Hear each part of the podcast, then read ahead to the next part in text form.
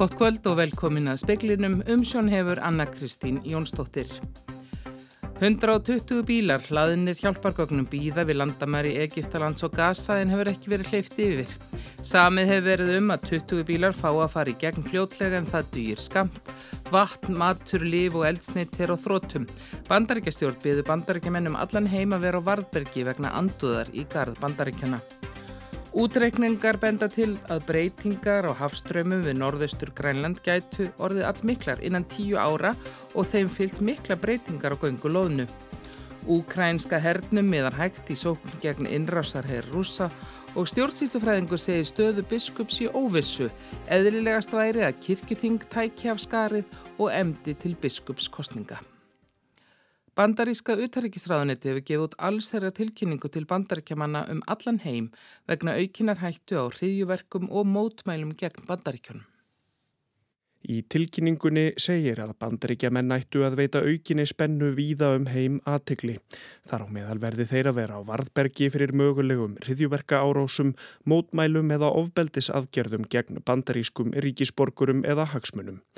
Fyrir í dag bað bandaríska sendiráðið í Líbanon bandaríkjaman þar í landi um að koma sér úr landinu. Hesbóla skerulíðar í Líbanon hafa gert árásir á Ísrael sem Ísraels herifur svarað. Þeir bandaríkjaman sem ekki geta farið frá Líbanon eru beðnir um að hafa varan á. Átök Ísraels hers og Hamas samtakana hafa veldið mikilli spennu í mið-austurlöndum. Varnarmálar á þeirra Ísraels sagði hermunum í dag að innan skams horðu þeir ekki yfir til Gaza heldur þaðan. Skipunin myndi koma og vísaði hann þar til innrásar Ísraels hers en bólar ekkert á hjálpargögnum frá Egiptalandi til Gaza sem mikið likur á að koma til íbúa. Hugsanlega verður fyrstu vörubílunum leift yfir landamærin á morgun. Þau sjúkrahús í landslutanum sem enn eru starfhæf eru orðin livjalaus og skortur er á matvælum, drikjarhæfu, vatni og nánast hverju sem er. Robert Jóhansson sagði frá. Vegna breytinga á hitastíu sjávar færist ætisleit loðnu fjær Íslandi og nær norð-austurströnd Grænlands. Mikla breytingar gæti orði innan tíu ára að mati Björns Bittnis, profesors í stærfræði við Kaliforni Háskóla. Björn Birnir er einna fyrirlesurum á ringborði Norðurslóða sem nú stendur yfir í Reykjavík og fjallar hann um hafströma í kringum Ísland. Tölvu útreikningar eru notaðir til að meta breytingar á þeim. Breytingum á gönguminstri loðnu er einnig flettað saman við. Útreikninga björs sína að fæðuganga loðnu færist nær ströndum Grænlands en áður fyrr hjælt loðuna sig meira í hafinu norður af Íslandi. Hún vil fremur kaldan sjó þegar hún fyrir þess að fæðugöngu. Þannig að Íslands hafirist vera orðið of heitt og göngurnar eru að færa sig nær Grænlandsströnd og ofar, norðar. Loðna er fæða margra fiska sem ofar eru í fæðukeiðunni til dæmis þorsks. Hún er undirstaðan undir fiskaríki kringum okkur, hún er undirstöðu fæða. Útreikningar benda til þess að breytingar á hafströmmum við norðaustur Grænland gætu verið all miklar innan tíu ára. Og það koma vantanlega til með að fylgja því einhverja stóra breytingar á göngulonunar líka. Saði Björn Bittnir, Benedikt Sigursson tók saman. Einn er særður eftir skotárás við Njúrópskaði næri aðal játbröðarstöðin í Kaupmannhöfn. Lögregla leitar árásamannsins og hefur girt af svæði kringum árásarstaðin. Fjöldi lögreglumanna á staðinum og þyrla komin á loft til að aðstóða við leitað manninum. Lögreglega hefur engar upplýsingar um hvað til að baki árásinni eða hvort hún tengist uppgjör í glæpagengja. Hins ærði var fluttur á sjúkrós en ekki vitað hversu alvarlega meðslans eru. Jesper Bangskort, lögreglumadur í Kaupnörn segir að líst sér eftir manni sem sást flýja af vettfangi og hlaupahjóli. Hann var grannvaksinn í appelsínugulum jakka og með bláa tösku líkt og matarsendlar nota. Úkrænska hernum verður hægt ágengt í sókn sinni gegn innrásarherr rúsa. Víglínan hefur þokast eilítið í östurátt. Úkrænumönnum hefur orðið lít ágengt í gagsókninni síðustu vikur þar sem rússar hafa meðal annars lagt í jarðsprengjur sem tálma för varnarliðsins. Þó hefur frétt að veita Reuters eftir talsmanni Úkrænuhers að þeir hafi rekið rússa tilbaka um 400 metra við þorpið fer bóve í Saporisja hér aði. Úgrænumenn freista þess að vinna sig söður að Asofhafi til að klippa á fluttningsleiðir millir Rúslands og Krímskaga. Við þetta maður bæta að Atlasafsbandalagi tilkynnti í dag að eftirlit á eistrasalti er þið hert til mun á næstunni. Þessar aðgerðir sem fela meðal annars í sér eftirlitsflug með flugvelum og drónum sem á fjórum tundurspillum eru tilkomnar eftir skemdaverkin sem unnin voru á gasleiðslunni Baltic Connector millir Íslands og Finnlands. Þorgils Jónsson tók saman. Flugsamgöngur til og frá landinu hóist að nýjum þrjúleiti í dag eftir að fjöl mörgum flugferðum var aflýst frá því sent í gerkvöld. Öllu innanlandsflugi var aflýst í dag. Ferðir Strætó og milli Reykjavíkur og Akranes og Borganes hóist að nýja á 5. tímanum og leið 52 sem fer yfirleitt að landa í hefn fer bara til kvólsvallar í kvöld. Herjólfur sigli frá Þorlókshöfn vegna veðursins. Ferðir Strætó á milli Akranes og Reykjavíkur fjallu niður í dag sem á Akstur og milli Hafnar og kvólsvallar. Gular veðurviðvarnir vegna suðaustan kvassviðris eru í gildi fram á kvöld á höfuborgarsæðinu við Faxaflóa, Suðurland og á miðhálendinu fram, fram, fram eftir kvöldi eins og aðsæði. Báðum yfirleiknum heilbreyðistofnar Norðurlands og Akureyri hefur sagt upp störfum. Starfsfólk segist fordæma ákverðuna því sárlega vandi heimilisleiknum til starfa. Í lók september var starfsfólki hilsugjastlunar á Akureyri greint frá uppsögnunum og öðrum skipulagsbreytingum sem væru í vendum. Til stóðað hilsugjastlan er þið rekin sem tvær einingar á næsta ári í núverandi húsnæði og öðru nýju sem er í byggingu og því þóttir raukrætt að hafa tvo yfirleiknaða störfum. Síðan hefur greinst mikla í húsi hilsugjastlunar og orði ljósta það er ónótæft. Jón Helgi Björnsson, fórstjóri HSN, segir þetta meðal þess sem styrði ákvarðun framkvæmda stjórnarinnar. Já, þetta tengis mér einfallega því að, að uh, skerpa á stjórnun og, og um, með það við erum að fara þarna nýja aðstöðu. Að hafa tvo þaulreinda yfirleknaða störfum segir Jón hafa gefið góða raun á tímum heimsfaraldursins en nú séu fórsendur allt aðrar. Starfsfólk heilsugjastlunar hefur ekki tekið vel í breytingarnar sem fela einnig í sér sammenningu delta líkt og ungbarna og maðuravernd. Í álygtun framkvæmda stjórnar sem allir starfandi leknar undirrituðu er þess óskaða uppsagnirnar verði dregnar tilbaka. Þau segja ekkert samráð hafi verið við starfsfólk og tröst til framkvæmda stjórnar sé að engu orðið.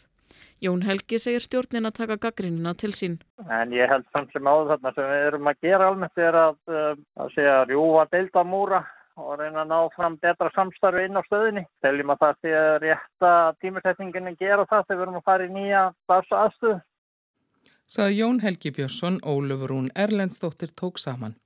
Kristján Björnsson, vikslubiskup í Skálholti, segir að kirkjunarmenn reyni að skýra þá stöðu sem upp er komin eftir að úrskurðar nefnd þjóðkirkjunar komst að þeirri niðurstöðu að engin lögmætt skipun eða framlenging á skipunartíma biskups hefði orðið frá miðju síðasta ári. Stjórnsíslufræðingur segir stöðu biskups í óvissu.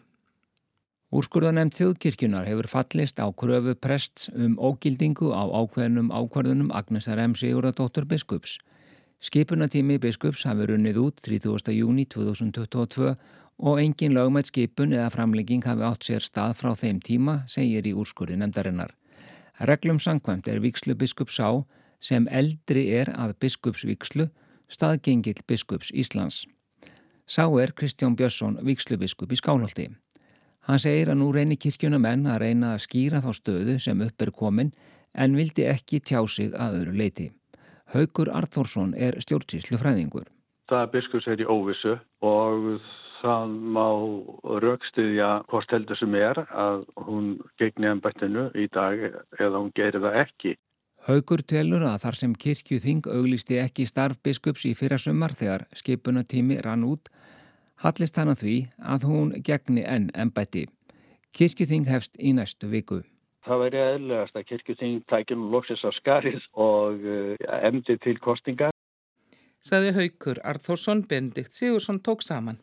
Skipulegendur Evrópsku tónlistarverðlunana hafa ákveðið að aflýsa hátíðhaldum í ár vegna átaka á milli Ísrael og Gaza. Meðal tilnemdra á hátíðinni sem átt að halda 5. november í París voru meðal annars Taylor Swift, Olivia Rodrigo og Foo Fighters. Aukin viðbúnaður hefur verið í Fraklandi vegna átaka Ísraels og Palestínum.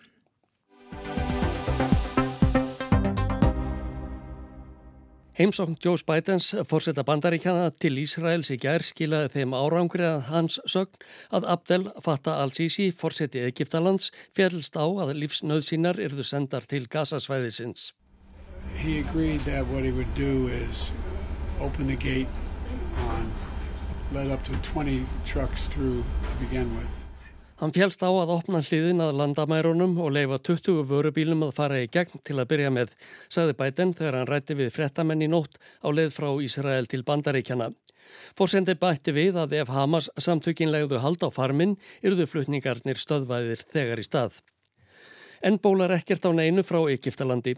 Hugsanlega verður fyrstu vörubílunum hleft inn á morgun um landamærastöðina í Rafa á Gaza. Mikið likur á. Sjúkrahús í landslutanum sem eru enn starfhæf eru orðin livjalauðs og skortur er á matfælum, drikjarhæfu vatni og nánast hverju sem er. Mósen Saram, yfirmaður ekkifsku fjölskylduhjálparinnar, segir í viðtali við Breska ríkisútvarpið að við landamærin séu um það byrj 120 bílar hlaðnir vörum sem brint sé að koma yfir til gasasvæðisins. Þar eru einnig 100 sjálfbóðaliða sem býða þess að aðstóða við flutningana.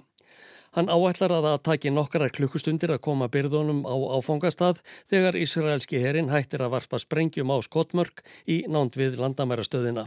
Yesterday when uh, we were there, they dropped at least three or four rockets less than one kilometer from where we were stationed with the supplies. Í gær þegar við vorum þarna vörpuðu þeir að minnstakosti þremur sprengjum innan við 1 kilometra frá bílalestinni sem býður með vörurnar, sagði Sæðan. Hann reknar með að herinn sé að senda þau skilaboð að ef bílalestin fer af stað verði sprengjum varpað á þá. Að hleypa 20 bílum inn á svæðið segir henn að sé enga megin nóg. We have more than 3,000 metric tons of medical supplies, food and water. And the absolute priority now for the people of Gaza is medical supplies. Við erum með meira en 3000 tonn af livjum, sjúkravörum, matfælum og vatni við landamærin, segir Saen. Það bráðlikur á að koma þessu yfir til Gaza, sérilagi sjúkravörunum. Margt er gengið til þurðar og annað að verða búið. Líkpókarnir eru meira að segja búnir. Þeir get ekki lengur grafið þína látnu, segir eh, Móin eh, Sæn. Hann segir að sprengjuregnunu verði að linna svo að hægt verði að hjálpa íbúum gasasvæðisins. Raunar skiljan ekki hvers vegna herin varpi sprengjum við landamærin á svæði þar sem engin er. Sæðin segist hafa heyrta tilstandi að hleypa fyrstu vörubílunum í gegn um landamærastöðina á morgun. Hann er þó ekki fullvissum að það, við það verði staðið. Hann og hans fólk í egipsku fjölskyttuhjálpinni er búið að býða við landamærin í þrjá daga. Hann segir að það verði ekki vandamál að dreifa hjálpargögnunum eftir að bílarnir komast yfir landamærin. Þótt sprengjugýr séu víða á vegum á gasa, séu fljótlegt að fylla þá með sandi og þá séu vörubílstjórunum allir vegir færir. Fleiri en Mósen Sæn hafa bent á að enga megin sé nóg að senda 20 vörubíla með hjálpargögn yfir til gasa. Þeirra á meðal er Martin Griffiths yfirmaður mannúðarmála hjá saminuðu þjóðunum. Næri lagi sé að hundrað bílar á dag flytji þangað helstu nöðþurftir. Gert er aðfyrir að starfsfólk saminuðu þjóðana sinni eftirliti með að vopn verði ekki flutt yfir landamærin með nöðþurftónum. Ísraelskar herþótur hafa í dag haldið áfram að láta sprengjum rigna yfir gasasvæðið. Einnig hefur sprengjum verið varpað á skotmörk í Sýrlandi. Breskum og bandarískum ríkisborgurum var ráðlagt í dag að forða sér frá Líbanon. Í tilkynningum frá sendiráðum Breitlands og bandaríkjana sagði að ekki væri setna vætna meðan flugferðir standa enn til bóða. Ástæðan er ástandið við landamæri Ísraels og Líbanons vegna vaksandi spennumilli Ísraela og heisbóla samtakana. Ásker Tómasson tók saman.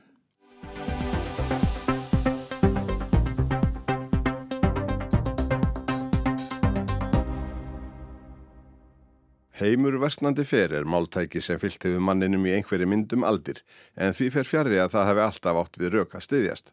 En á það kannski við nú þegar stríð geysar í Úkrænu, Ísrael og Palestínu, Súdan, Eþjópíu, Mjanmar, Líbíu og tögum annara ríkja. Speilin spurði Ingi-Björgu Solrúnu Gísladóttur fyrirvægandi utanrikisar á þeirra og fórstöðumann líðræðis og maritindaskristofu ÖSE að því. Já, það sýnist manni já og mér finnst það alltaf merkild að hugsa til þess sjálf að eh, ég er náttúrulega eldst upp á tímum kaldastriðsins og fyrir mér var allt bort frósið. Það var bara eh, hérna, bandaríki, sovjetríkin, kommunismi, kapitalismi, vinstri, hægri, þetta var allt bara fast í förstu formi, allt botfrósið.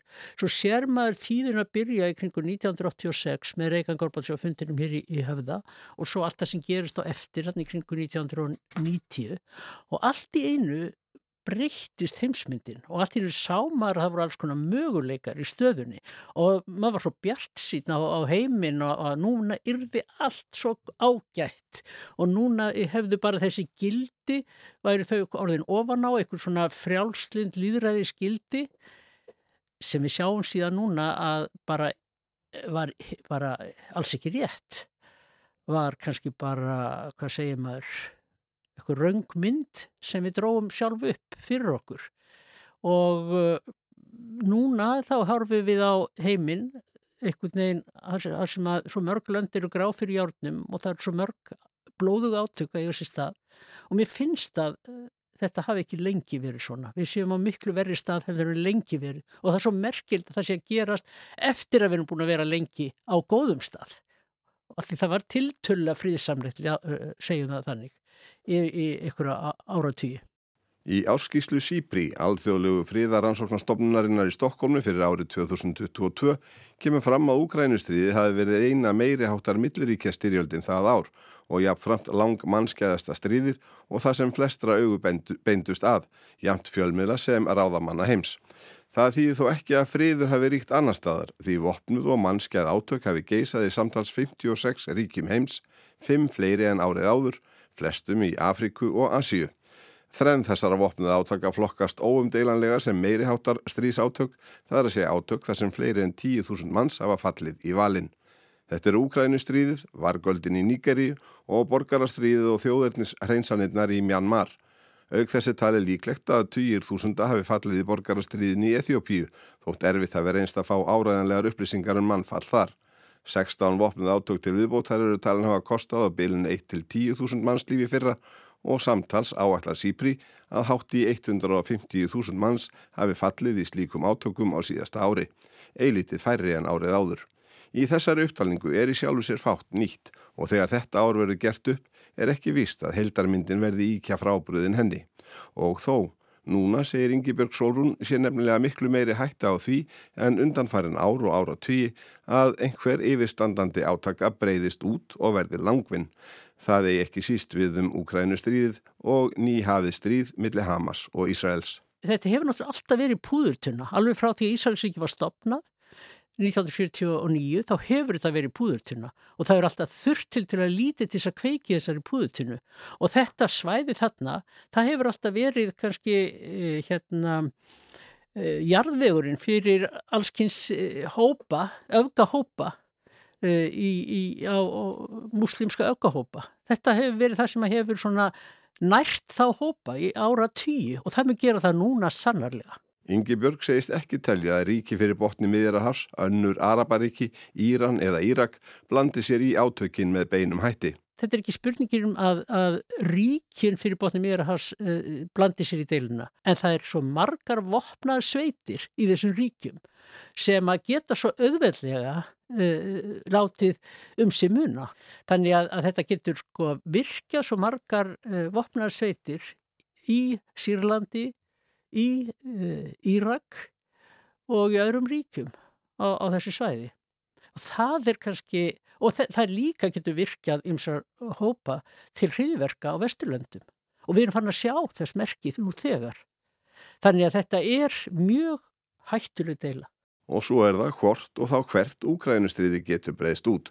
Ingi Björg segir það vissulega geta tekt sig til Belarus en líka til Balkanskagans þar sem greina megi fingra för rúsa þeir eru ekkit að letja serpa til dáða. Þannig að það er eitt af því sem getur líka og við sjáum að svona ákveðnir ákveðin konfliktar sem hafa verið kallaðir frostnir konfliktar í álfunni að þeir eru að opnast upp.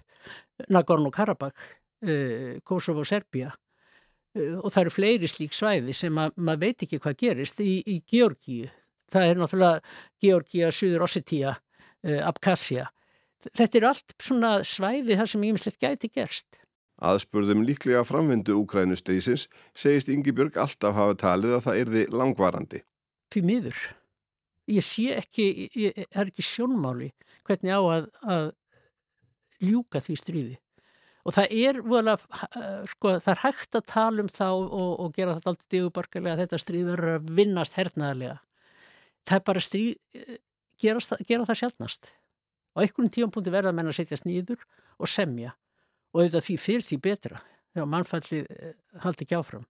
En þetta er eh, mjög erfitt að sjá hvernig á að enda þessi átök þarna Og Úkrænustriði getur hæglega haft áhrif á fleiri kræmandi deilur í fleiri ríkjum, svo sem Moldófu sem Ingi Björg segir til skamstíma hefði minsta hafa verið á barmi þess að vera það sem kallað er failed state eða þrótt ríki og það sem landræma við landamærin, Transnistria, hafi lengum verið á valdi rústensku mælandi aðskilnaða sinna í skjóli rúsa. Og svo er þetta alltaf spurning hvernig stjórnveld komast til valda, því að þegar það komast þjóðverðni sinu stjórnveld til valda í þessum ríkjum hvar svo sem er, þá eru þau einhvern veginn líklegust til þess að, að eh, eiga aðild að, að strísátökum. Það er það sem við sjáum til dæmis núna, einmitt á Balkan. Það er bæði þjóðurni sinu stjórnvöld í Serbíu og í Kosovo og, og það er eins og við mannimælt að þá sjáum við að, að hérna, uppblossa átök þó ekki kannski í miklu mæli en þá. Sagði Ingi Björg Solrún Gísladóttir, Ævaröfn Jósefsson talaði við hana.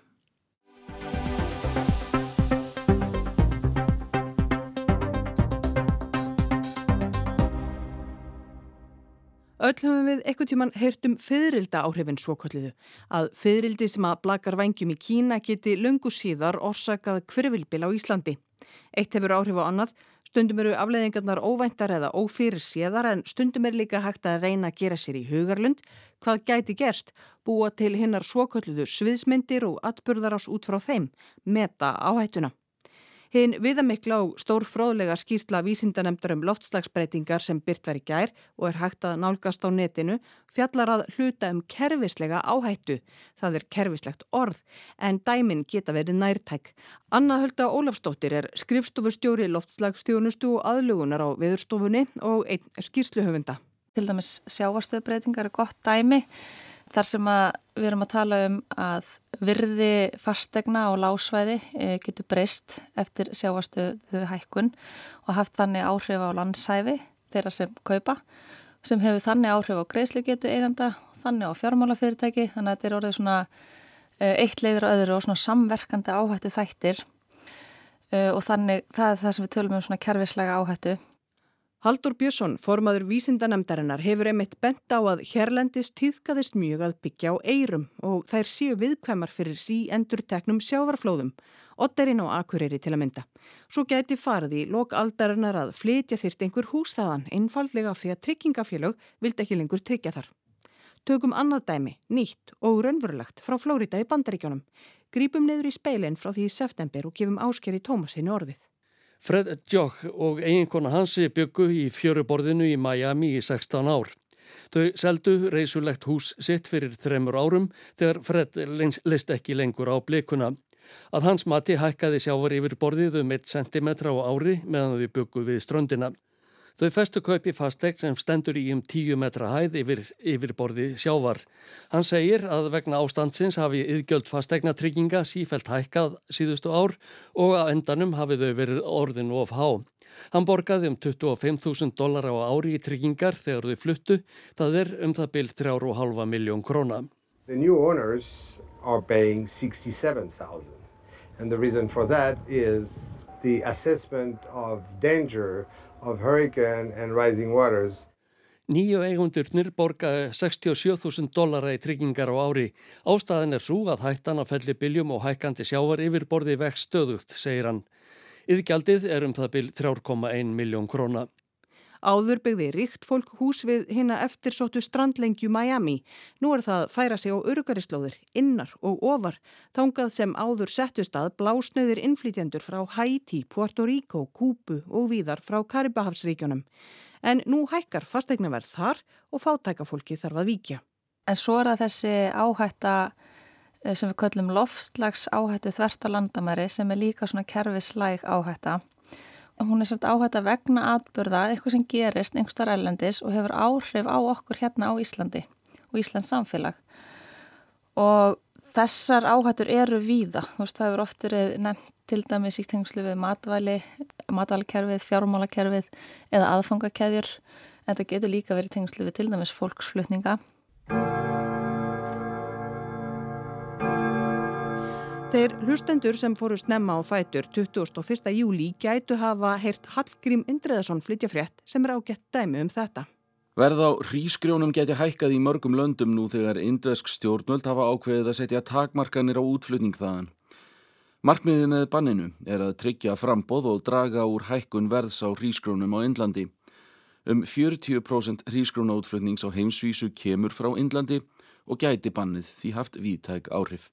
Heimurinn eins og hann er í dag, hann er afskaplega alþjóða vettur og það eru mikið af tengingum sem ná langt yfir og við hérna á Íslandi erum, erum mjög háð tengingum við umheiminn og í svona tilfellin þegar við erum að tala um loftlas áhættur þvert á landamæri þá magnast svona áhætta eftir því sem að löndin eru háðari öðru löndum hvað varðar svona lífsnauðsynlega hluti og þess vegna eru við á Íslandi ótrúlega viðkam gagvart áfallum sem tengjast þessu. Það þarf ekki endilega að vera bara í tengslu við loftlagsbreytingar, það getur verið vegna einhverja pólitíska eða efnahagslega atbyrði sem gerist annars þar í heiminum en ekki síst raskanar að völdum loftlagsbreytinga.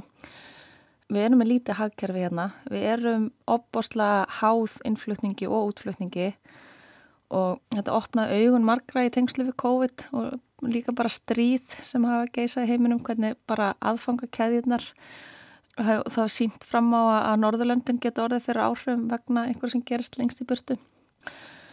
Og mér getur líka eh, gott að hafa það í huga að sko þessi loftlas áhætta þvert að landamæri, hún er ekki fjallar ekki bara um þessar beinu afleggingar, eitthvað sem gerist einhvers þar og hefur áhrif á okkur, heldur ekki síst uh, aðgerðinar sem að þjóður ekki þurfa að grýpa til til þess að bræðast við þessar áhætti þær geta haft áhrif langt út fyrir landamærin. Til dæmis uh, útflutningshömlur út af einhverju sem hefur gerst í tingslu við náttúru á til dæmis bara uppskjöruprestur einhver staðar ef við tólum til dæmis bara um þessar byrðakeður sem við erum svo háð hérna á Íslandi að því að við erum í rauninni það er svo háð þessum innflutningi sem er rakin í rauninni til til til að forra landa og líka á hendum forra hérna innanlands. Að þá er það sem flækir mjög mikið hvernig við í rauninni greinum þetta að við erum oftast bara að stoppa gögnin okkar hvað varðar innflutning til síðasta ríkis sem varan var í og þess vegna er það oft að við e, samkvæmt gögnunum okkar þá eru rísgrunum okkar á stórum hluti að koma frá Danmarku og svo framvegis. Ég menna þetta flækir óbúslega mikið að við verum að reyna að fara út í einhverja svona greiningar. Við þurfum í rauninni að taka skrefi lengra. Anna Hulda segir að vissulega séu til allskynns greiningar hérlendis og ímislegt sem tengist áhættu en ekki beint vegna loftslagsbreytinga. Loftslagsbreytingar eru þess eðlis að það er eitthvað sem gerist einhver starf og við hefum kannski eftir að skilgrena það betur, ef við horfum til dæmis á fólksflutninga í þessu samhengi, akkur er fólk að fara í burtu þannig að ég held að vanti bara rosalega mikið upp á greiningar en við vitum að við erum hins vegar berskjöldið fyrir þessari áhættu. Saði Anna Hulda Ólafstóttir, Ragnhildur Torlasíus saði frá. Og í speklingsskvöldsinn sagðu meðal annars frá því að miklar hörmungar vofi yfir íbúum Gaza fáist ekki neyðraðstóð sem ennsittur först við landamærin. Bandaríkja stjórn byður bandaríkja mennum allan heim að vera á Varðbergi vegna anduðar í gard bandaríkjana. Útreikninga benda til að breytingar og hafströmmum við norðaustur Grænland gæti horfið all miklar innan tíu ára og gæti, þeim gætu fyllt mikla breytingar á loðnugöngum. Stjórnsýslufræðingur segi stöðu biskups í óvissu eðlegast væri að kirkjuþing tæki af skarið og emdi til biskupskostninga. Veðurhorfur þær, það verður söðaustan átt 13 til 23 metrar, kvassast um landið söðvestanvert en dregur smán saman úr vindi. Víðarryggning en úrkomi lítið á Norðurlandi. Söðaustan 10 til 18 á morgun og sem staðar talsverðryggning sunnanlands, lægir vestan til setnipartin og hittabilnu 6 til 12 stygg. En fleiri er ekki speklinum í kvöld. Tæknimaður var Mark Eldredd, Anna-Lísa Hermannsdóttir stjórnaði útsendingu frétta. Ég minn á hægt er að hlusta á speilin í spilarrúf og helstu hlaðvarpsveitum veriði sæl.